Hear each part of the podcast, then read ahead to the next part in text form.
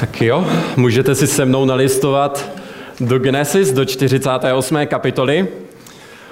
Pomalu se po dvou letech blížíme ke konci Genesis. Dobrý boj jsme bojovali, běh jsme dokončili a víru jsme zachovali. Už se to zdalo pomalu nekonečné, ale už budeme takměř na konci. A upřímně, já když jsem se před dvěma lety dozvěděl, že budeme probírat knihu Genesis, tak jsem si říkal, no je, je, to bude docela tuhý, e, jako samozřejmě správný křesťan věřím, že Bible je Bohem inspirované boží slovo, ale opravdu jsem si říkal, že když budeme probírat knihu Genesis verš po verši, že to bude jako dobrý, že to bude záživný. Jsem si říkal, jako ta možná první půlka jako docela dobrý, jo, tam je ještě to stvoření světa, to docela půjde, ale ten zbytek, jo, jsou samý jména, samý rodokmeny, historie, praotcové, já jsem si říkal, že to pro nás bude hodně takové těžkopádné, takové zastaralé a že bude těžké z toho pro nás něco vymáčknout. Ale nevím, jak vy, ale já jsem každý týden byl víc a víc s tím textem usvědčený.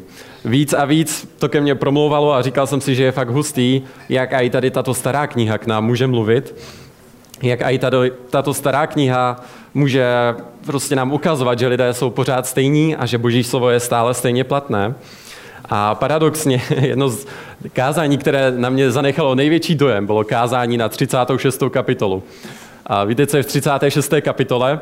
Tam je jenom rodokmen.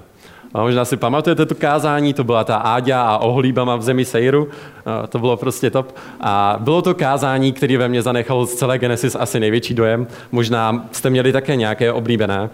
A možná to pro mě bylo, protože jsem si říkal, ty wow, ono jde udělat dobrý, záživný a hluboký kázání i jenom na rodokmen. O, nyní mohu v pokoji zemřít. Ale asi ta nejpozbudivější věc z celé knihy byla pro mě vidět, že Bůh si používá lidi, kteří selhávají znovu a znovu. Že Bůh si používá lidi, kterým častokrát trvalo celý desetiletí, než si uvědomili, že vůbec udělali něco špatného, nebo že eh, by se měli dát nějak dokupy. A to bylo něco, co se opakovalo znovu a znovu. Lidé selhávají, ale Bůh neselhává. A používá si lidi, kteří jsou neschopní, nepoučitelní a častokrát zlí. A dnes uvidíme takovou podobnou věc, která se prolíná celou knihu Genesis, ale nejenom Genesis, ale zároveň celou Biblii. A to je ta věc, eh, že Bůh si vybírá lidi, kteří jsou nedostateční. Uvidíme, že Bůh si vybírá lidi, kteří jsou v očích druhých nedůležití, kteří jsou nedostateční, kteří jsou takový na druhém místě a na okraji. Bůh si vybírá ty nedůležité, od kterých častokrát druzí lidé nic nečekají a s kterými druzí lidé nepočítají. A ten text nás dneska staví před takovou otázku. Záleží ti na tom, co si o tobě myslí ostatní. Ovlivňuje tě to ve tvém životě? Myslíš si, že musíš udělat, že musíš být úspěšný, nebo že si musíš nějak zasloužit uznání druhých, abys něco znamenal, abys dokázal svoji hodnotu? Myslíš si, že musíš hodně makat, aby se ukázalo, že někým jsi? Nebo když to vezmeme ve vztahu k Bohu, myslíš si, že před Bohem musíš něco dokázat, aby tě Bůh přijal víc? Že se musíš víc a víc snažit, aby tě Bůh měl víc rád? Jsi někdy nejistý ve svém vztahu s Bohem, když se ti nedaří a umíš se radovat Bohu jenom, když se ti daří? Chtěl bych dneska začít takovým testem. Zkus si představit, že Bůh se dívá na tvůj život. Že Bůh se teďka a teď, jak tady jsi, jak žiješ svůj život, že Bůh se na tebe dívá. Zkus si to vybavit hypoteticky, kdyby Bůh měl tvář, tak jak by se u toho Bůh tvářil, kdyby se na tebe díval? Jak se Bůh tváří na to, když teď a tady pozoruje tvůj život a dívá se na tebe? Jaký má výraz ve tváři? Je Bůh naštvaný? Kroutí nad tebou hlavou a říká si, no to snad ani není možný. Je z tebe Bůh zklamaný? Nebo říká svým výrazem ve tváři, že bys měl se sebou začít něco dělat? Jak se Bůh tváří, když se dívá na tvůj život?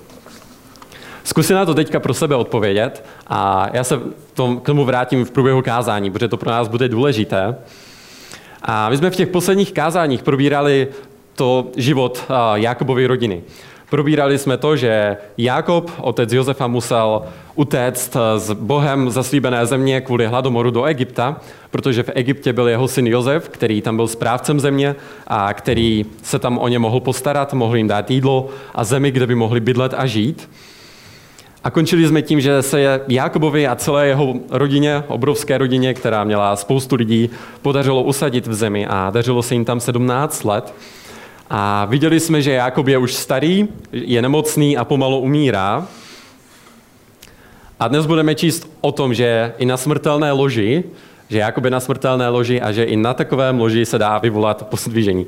Uvidíme, že Jakob na tady tomto loži udělá něco, co by bylo nečekané a jeho umírání rozhodně není nuda, stejně jako jeho život. A uvidíme, že požehná někomu, že předá své rodinné požehnání někomu, kdo by si ho nezasloužil. A my jsme v Genesis viděli, že tady toto předávání požehnání, že to je taková rodinná tradice. Že vždycky ten patriarcha, ten praotec, ten otec rodiny na sklonku svého života vloží svou pravici na hlavu svého prvorozeného a tím mu předává dědictví, tím mu předává to boží požehnání. My bychom dneska možná sepsali závěť, ale tehdy asi neměli tolik papíru, tak to dělali takto ručně. Takže je to něco, co tady Jakob dneska dělá a to, co udělá, je to, že vloží svou pravici na hlavu někoho úplně jiného, kdo by to nečekal, co šokuje všechny ostatní a co jde proti každému očekávání druhých lidí, co šlo proti zvyku v tehdejší době.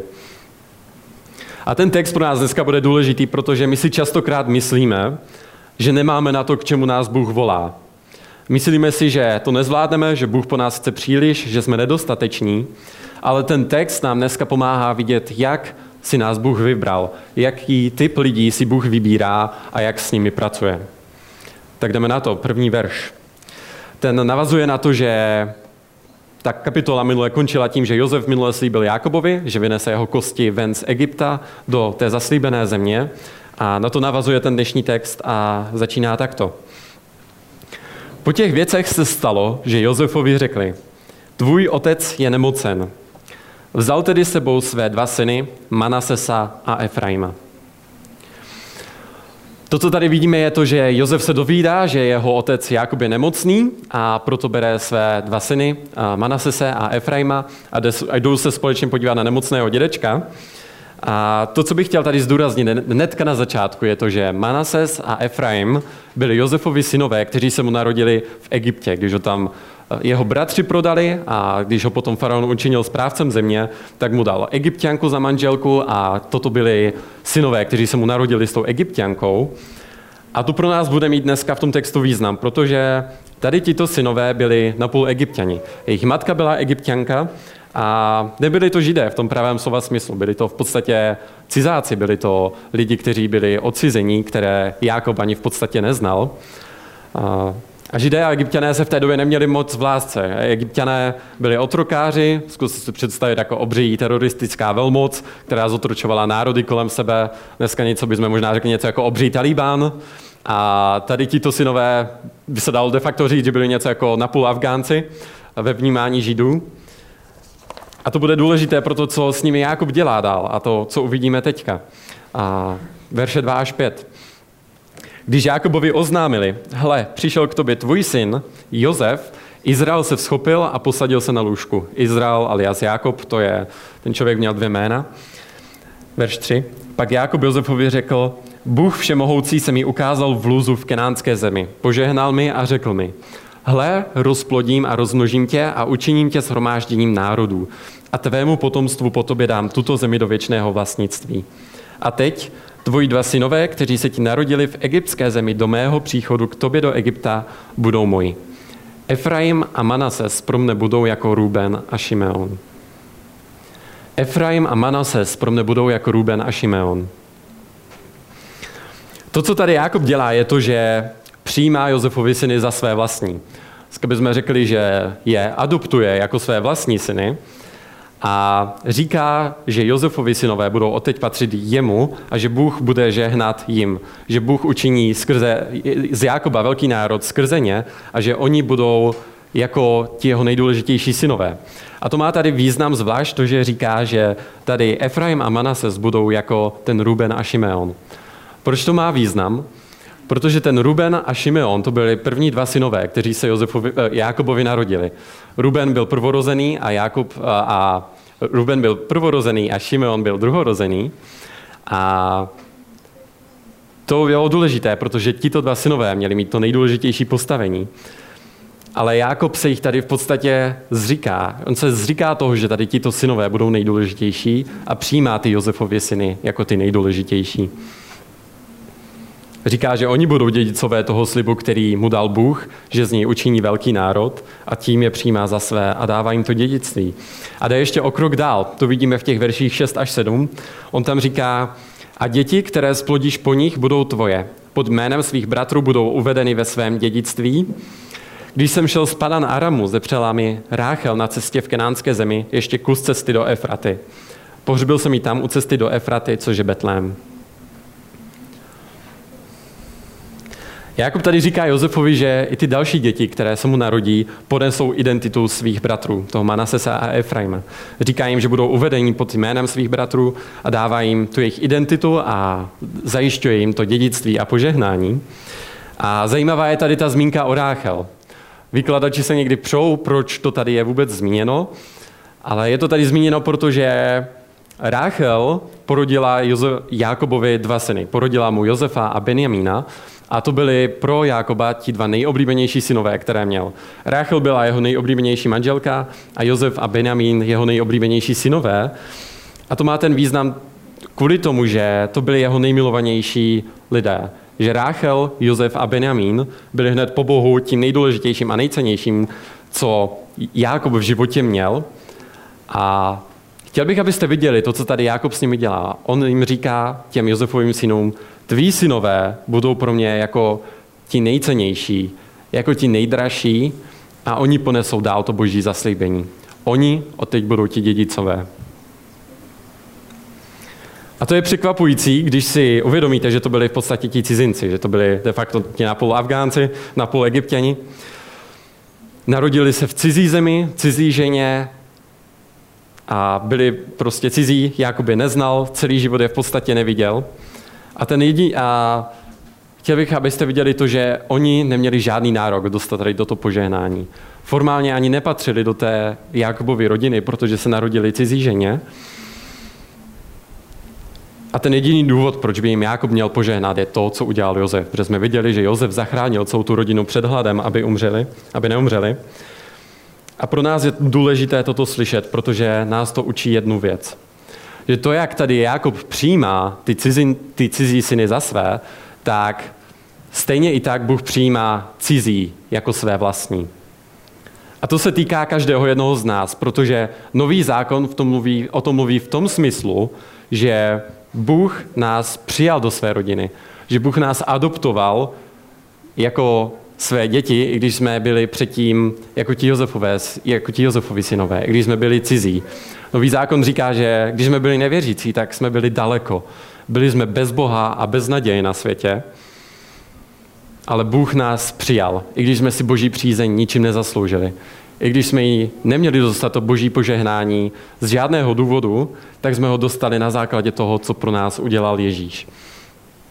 Už teďka patříš do boží rodiny. Že Bůh ti neříká ani cizinče, ani podivíne, ale říká ti mé dítě. A já bych chtěl, aby si teďka vybavil tu odpověď na tu otázku, jak se Bůh tváří na tebe, když se dívá na tvůj život. Co jsi řekl, nebo jak jsi představoval Boha, že vypadá? Jak jsi představoval, že se Bůh na tebe tváří? Smálně by mě zajímalo, kolik z vás si představilo, že Bůh se na vás usmívá. Kolik z vás mělo radostnou představu Boha? Kolik z vás si představilo, že Bůh se tváří se spokojeným výrazem ve tváři a že má radost? Já vždycky, když přemýšlím tady na tuto otázku, tak si říkám, pro mě to je právě to, že jakoby Bůh kroutí hlavou a říká si, no to snad není možný. A že mám takový pocit, že toho nedělám pro Boha někdy dost, že jsem právě hodně nedostatečný. Ale To, co nám říká tento text a to, co nás učí o tom, je, že Bůh nás přijal jako za své vlastní a že jsme v Kristu v něm to nejcennější a nejdůležitější, co on má. Stejně jako Jákob přijmul ty syny jako své nejcennější a nejdůležitější, tak jsme i my pro Boha stejně důležitý v Kristu. To, co jsem nedávno narazil eh, v Janově evangeliu, je to, jak se tam Ježíš v 17. kapitole modlí k otci a on se tam modlí za křesťany a říká jim, že prosí otce, aby svět mohl vidět, že otec miluje křesťany stejně jako Ježíše. Zkoušel se nad tím někdy přemýšlet, že Bůh tě miluje stejně, jako miluje Ježíše. Já nevím, jak vy, ale já už se nebudu představit žádnou větší lásku, kterou by nás Bůh mohl milovat. A toto je ta naše identita v Kristu. Toto je to, co nám Bůh dává nezaslouženě na základě toho, co pro nás udělal Ježíš. Tak to jako přijímáte Josefovi syny do své rodiny. A nejenom, že je přijímá, ale také jim dává to boží požehnání.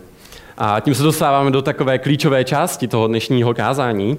A tady uvidíme, jak si Bůh vybírá lidi, jak si Bůh, na základě jakých kritérií si Bůh určuje, koho si vybere a skrze koho bude pracovat. A také uvidíme, jak na to častokrát reagují druzí lidé. Verše 8 až 11. Když Izrael uviděl Josefovi syny, zeptal se, kdo je to? Josef otci odpověděl, to jsou moji synové, které mi zde Bůh dal. Izrael řekl, vezmi je ke mně a tím požehnám. Izraelovi oči byly stářím zakalené a dobře neviděl. A Josef je k němu tedy přivedl a on je políbil a objal. A Josefovi Izrael řekl, nedoufal jsem, že ještě uvidím tvou tvář a hle, Bůh mi dal spatřit i tvé potomstvo. Jakob se tady ptá Josefa, kdo je s ním a dosud nevěděl, že to byli jeho synové, protože už byl starý a špatně viděl, měl stářím zakalené oči. A Josef mu vysvětlí, že to jsou jeho dva synové, které mu Bůh dal v Egyptě. A na to se Jakob rozhodne, že jim požehná. A Josef je tedy přivede k němu blíž, aby si je mohlo prohlédnout zblízka, aby mohl je vidět.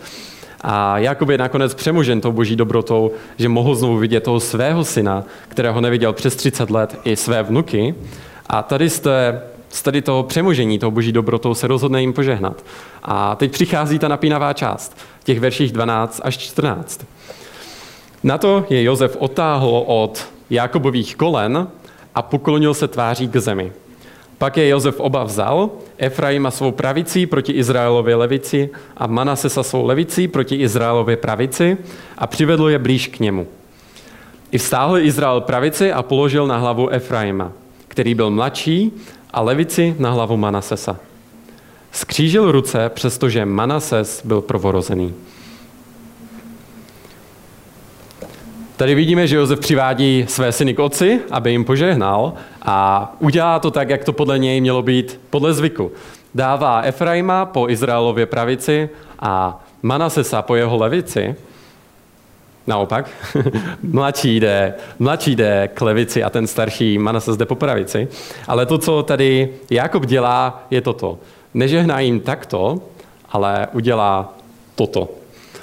No, když si představíte Jakoba na smrtelné posteli polomrtvého staříka, tak to musí být docela procvička. Ale umyslně kříží ruce a žehná na místo toho prvorozeného staršího, který mu mělo patřit to požehnání, tak žehná mladšímu.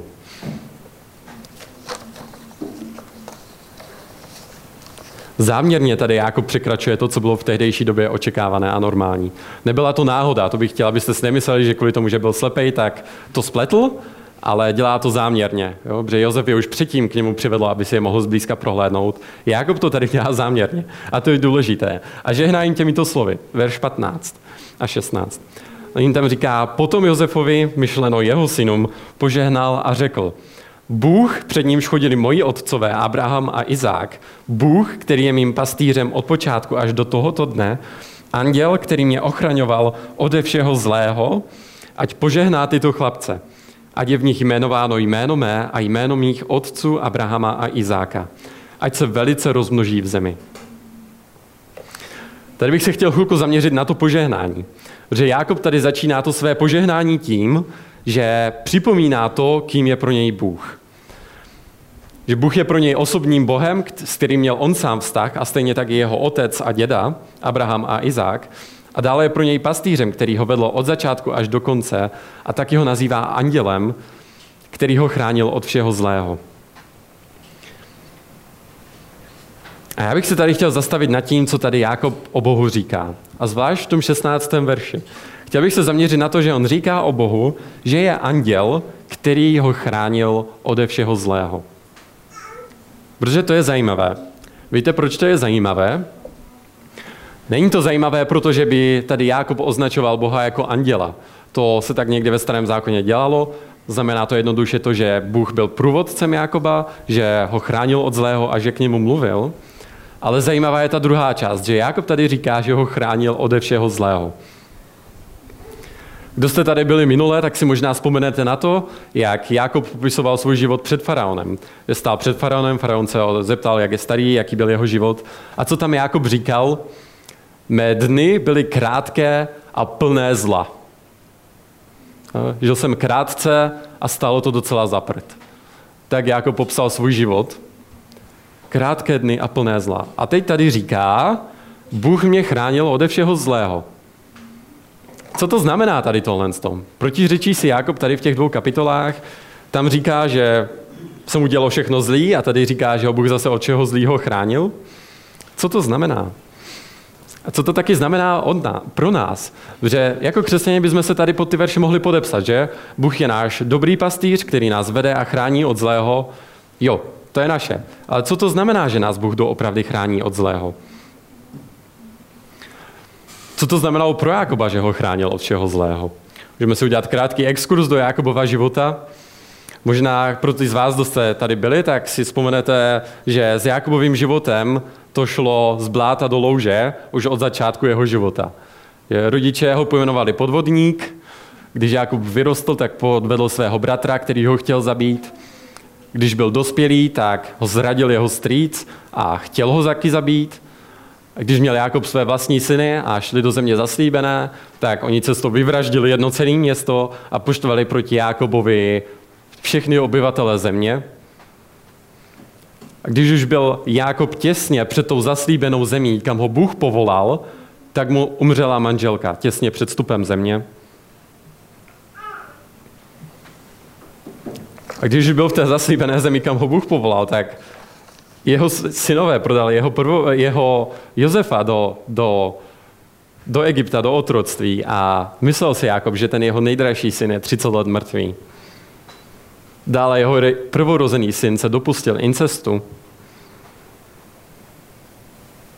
A když už byli nějak v té zemi, tak tam nastal takový mor, že museli s celou rodinou utéct do Egypta, do nepřátelské země, aby vůbec mohli přežít. Bůh mě vedl a ochránil od všeho zlého. Co to znamená?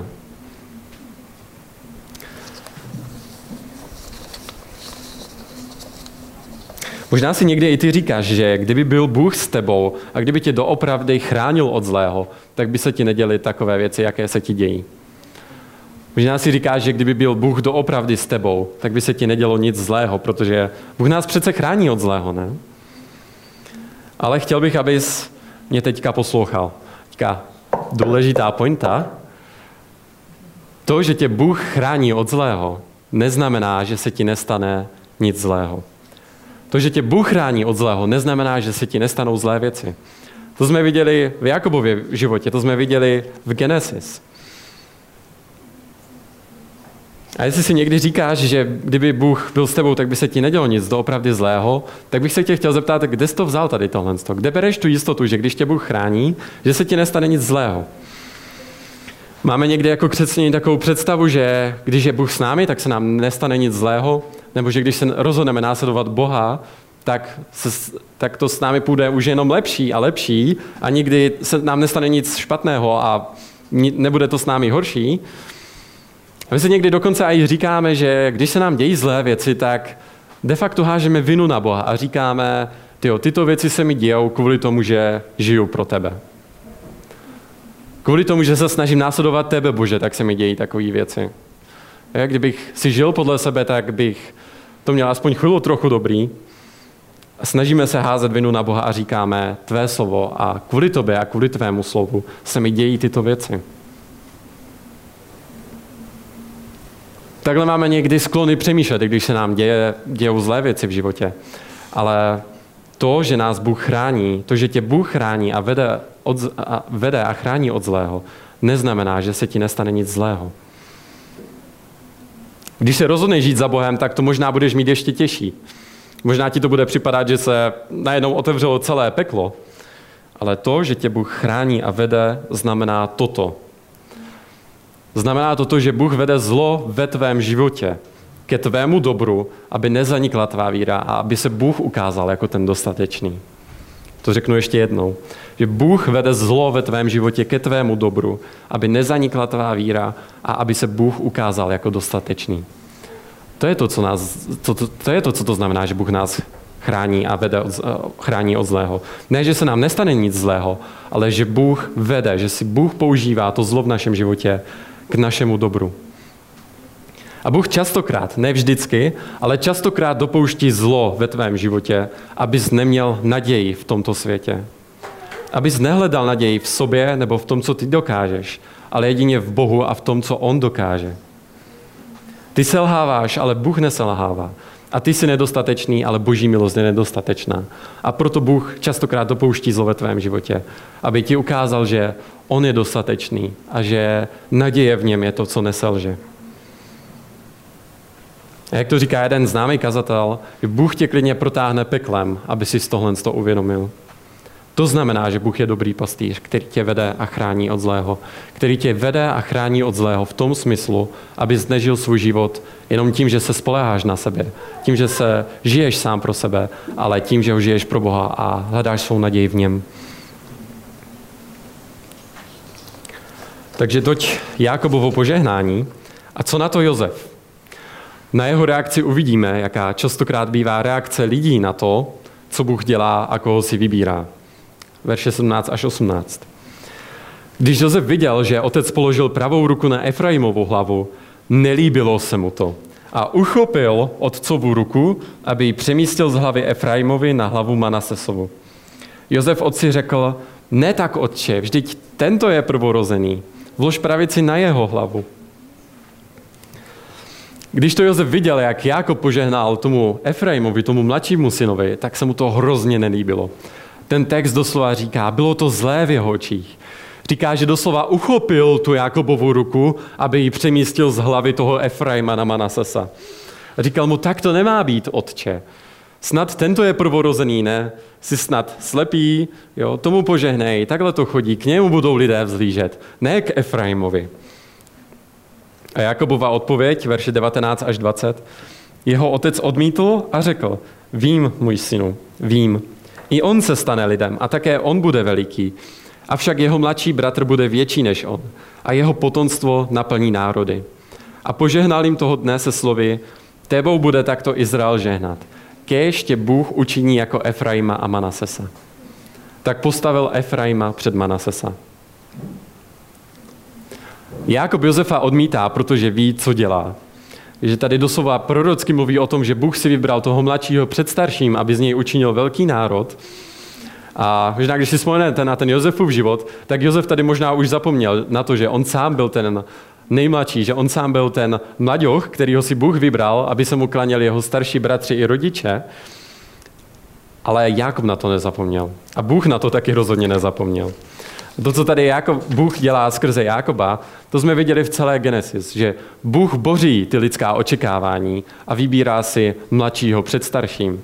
Vybírá si toho, který byl v očích druhých méně důležitý, slabší, méně použitelný a jedná skrze něho. To jsme viděli, že Bůh si vybral Ábela před Kainem, že si vybral Jákoba před Ezauem, Josefa před staršími syny a Efraima před Manasesem. Bůh si vybírá ty, kdo jsou v očích druhých malí, slaví a nepodstatní. Ti, kdo jsou v očích druzích ubozí a nepoužitelní. A ty, kdo jsou nedostateční. A kdo nemají právo na to dostat žádné požehnání. A to je jedno z ústředních témat celé Bible. To je to, že Bůh si vybírá slabé, že Bůh si vybírá ty, kdo jsou méně cení, aby zahanbil Bůh ty moudré a ty rozumné a pyšné lidi. O tom mluví třeba žalo 8, který říká, že z úst kojenců a nemluvňat si připravil chválu, abys umlčel nepřítele a mstitele. Bylo to něco, co Ježíš říkal častokrát. On chválil Otce za to, že skryl svou slávu před moudrými a rozumnými v tomto světě a zjevil jim maličkým. Dále Ježíš říkal, blahoslavení jsou ti chudí duchem, blahoslavení jsou ti, co to nemají všechno vyřešení, kdo jsou pokorní. To jsou úspěšní lidé. Nemohoucí, nerozumní a prostí, takové lidi si Bůh vybírá. Takoví jsou v jeho učích úspěšní. Protože na nich může ukázat svou milost a svou moc. Na nich může ukázat svou slávu. Takoví lidé jsou pro něj úspěšní. A jestli se chceš stát úspěšným, tak se napřed musíš stát před Bohem bezvýznamným. Ten dnešní text nám ukazuje, že Bůh boří ta lidská očekávání a vybírá si lidi, kteří jsou v očích druzích nedostateční. Cítíš se někdy nedostatečně? Říkáš si někdy to, že nemáš na to, k čemu tě Bůh vede, k čemu tě Bůh povolal.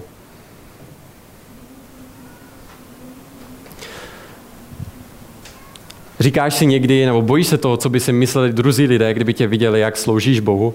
Říkáš si někdy takový to, že no jo, no, kdyby mě tady ti lidi, co mě doopravdy znají, viděli, jak sloužím Bohu, tak by si říkali, no je, je, tady ten, tady ten mi bude něco říkat, tady ten se bude o něco snažit, bude se snažit jako hrát si na něco, co ani není.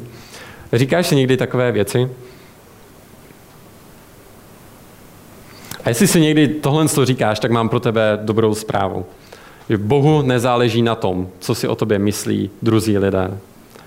Nezáleží mu na tom, jak tě vidí ostatní. A i pokud si sám o sobě říkáš, že na to nemáš, nebo že jsi nedostatečný, tak Bohu nezáleží ani na tom, co ty si myslíš sám o sobě. Jestli si říkáš, že nemáš na to, k čemu tě Bůh volá, ať už je to práce, nebo ať už je to vztah, nebo manželství, služba v církvi, výchova dětí, nebo celkově život pro Boha. Jestli si říkáš, že na to nemáš, tak mám pro tebe dobrou zprávu. Nemáš na to. Nemáš na to. A jestli si druzí lidé myslí, že na to nemáš, tak nemají ani nejmenší ponětí, jak moc na to nemáš. To je takové velice afirmativní, že? Ale je to něco, co říkal Ježíš učedníkům. Je? On říkal, bez mě nedokážete nic. Lidé bez Boha nedokážou vůbec nic a nemají na nic.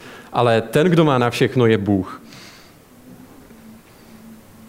Bohu nezáleží na tom, co ty si o sobě myslíš, nebo co si o tobě myslí druzí. A podobně mluví třeba i Apoštol Pavel v prvním Korinským, kde říká, že pro mne je pramálo důležité, zda mě soudíte vy nebo lidský soud. Ale ani já sám sebe nesoudím. Jediný, kdo mě soudí, je pán.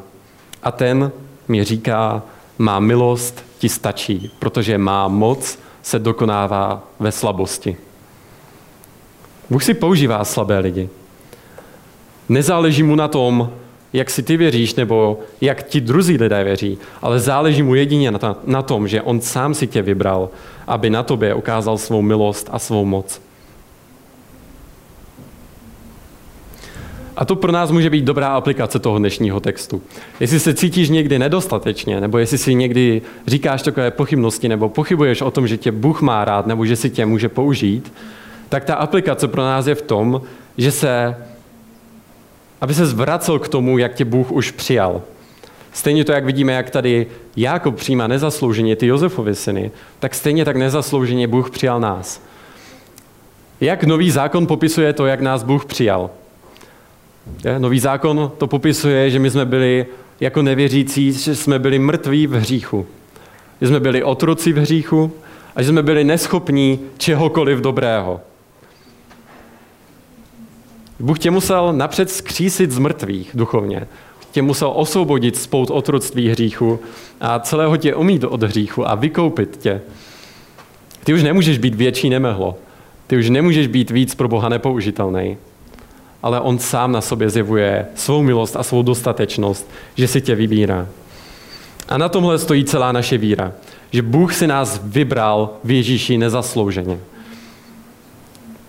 Že Bůh si nás vybral v Ježíši, i když v nás nebylo nic, pro co by si nás měl vybrat. A i když měl Bůh každý důvod nás kvůli našim hříchům potrestat. A Bůh to udělal jedině díky tomu, co Ježíš udělal pro nás. Stejně tak, jak Jozef zachránil svou rodinu a Bůh Jakob, Jakob nakonec požehnal jeho dětem, tak stejně tak i Bůh Otec žehná nám, když jsme v Ježíši, když věříme v Ježíše, pro to, co pro nás udělal Ježíš. Bible říká, že Ježíš je ten prvorozený, který se pro nás stal nedůležitým, který byl dokonalý a pro nás se stal slabým a nedostatečným, když umíral na kříži za naše viny. A to nám může dát jistotu, že na Ježíše dolehlo to nejhorší zlo a že už nedolehne na nás, protože Ježíš ho vzal na místo nás. A to nám může dát jistotu, že Bůh nás povede i nadále. Že Bůh se nás nevzdá a že nám v Kristu nejenom odpustil, ale také, že nám dává tu Kristovu dostatečnost, že my jsme dostateční v něm. Ty jsi už navěky dokonalý a dostatečný v něm skrze víru. A Bůh ti dává víc, než jsi zasloužil. A podobně končí i ta dnešní kapitola. Že nejenom, že Jákob přijímá ty Josefovi syny za své a dává jim všechno toto požehnání, ale dává jim také ještě něco navíc. A tím skončíme. Jsou verše 21 až 22. Tam se píše, potom Izrael řekl Josefovi, hle, umírám, ale Bůh bude s vámi a přivede vás zpět do země vašich otců. A já jsem ti na tvé bratry dal jeden díl, který jsem vzal z ruky Emorejců mečem a lukem. Jakob tady nakonec pozbuzuje Josefa, že Bůh bude s nimi a že je dovede zpět do země, kam je Bůh povolal, kam patří. A nad jeho bratry mu dává ještě kus země navíc, kus požehnání navíc, který kdysi získal v boji. A stejně štědře, tak jako tady Jákob jedná s Josefem, tak stejně štědře Bůh jedná s námi v Kristu. Nejenom, že nám odpouští to, co jsme si zasloužili, ale také nás zahrnuje požehnáními navíc, které jsme si nezasloužili. Slibuje nám, že bude s námi až do konce a že nás neopustí. Že nám bude odpouštět znovu a znovu a nakonec nás přivede bez úhony před svého Otce. A nemysli si, že pokud bys byl lepší křesťan, že pokud by se snažil víc, tak by tě Bůh přijal víc. Nemysli si, že si můžeš zasloužit boží přízeň, pokud se budeš dostatečně snažit, ale pokud pochybuješ a pokud máš pochybnosti o té boží lásce, tak si připomínej to, jak tě Bůh už přijal. Že on tě přijal jako svého syna, jako svého nejcennějšího a nejdůležitějšího pro to, co udělal Kristus. Že ty jsi nedostatečný, ale Kristus je dostatečný a jsi dostatečný v něm. Se ještě pomodlím. Oče, já ti děkuji za, to, za tento text, že ty nám ukazuje, že jak ty nás přijímáš za vlastní, když my jsme byli cizí, i když my jsme byli nepoužitelní a nedostateční. Já ti děkuji za to, že Ježíš je pro nás dostatečný a že my jsme dostateční v něm. A, tak já bych tě chtěl prosit a z celého srdce, oči, aby si nám otvíral oči, abychom tohle to mohli vidět každý den. Abychom nečerpali svoji jistotu z toho, že jak se nám zrovna daří nebo nedaří, nebo co všechno děláme, ale z toho, že jsme přijati nezaslouženě a nepodmíněně tebou v Kristu. Moc tě prosím, aby si nám tady tohle ukazoval a dával nám to víc a víc poznávat a aby nás to mohlo proměňovat, aby, nás, aby jsme se nesnažili nějak ospravedlnit sebe sama, ale abychom dokázali žít z toho, co už pro nás Pán Ježíš vykonal. Tak tě moc prosím, aby to bylo realitou v našich srdcích a aby jsme se ti skrze to mohli cítit blíž a čerpat sílu a naději a radost z toho, že jsme tvé milované děti skrze víru. Amen.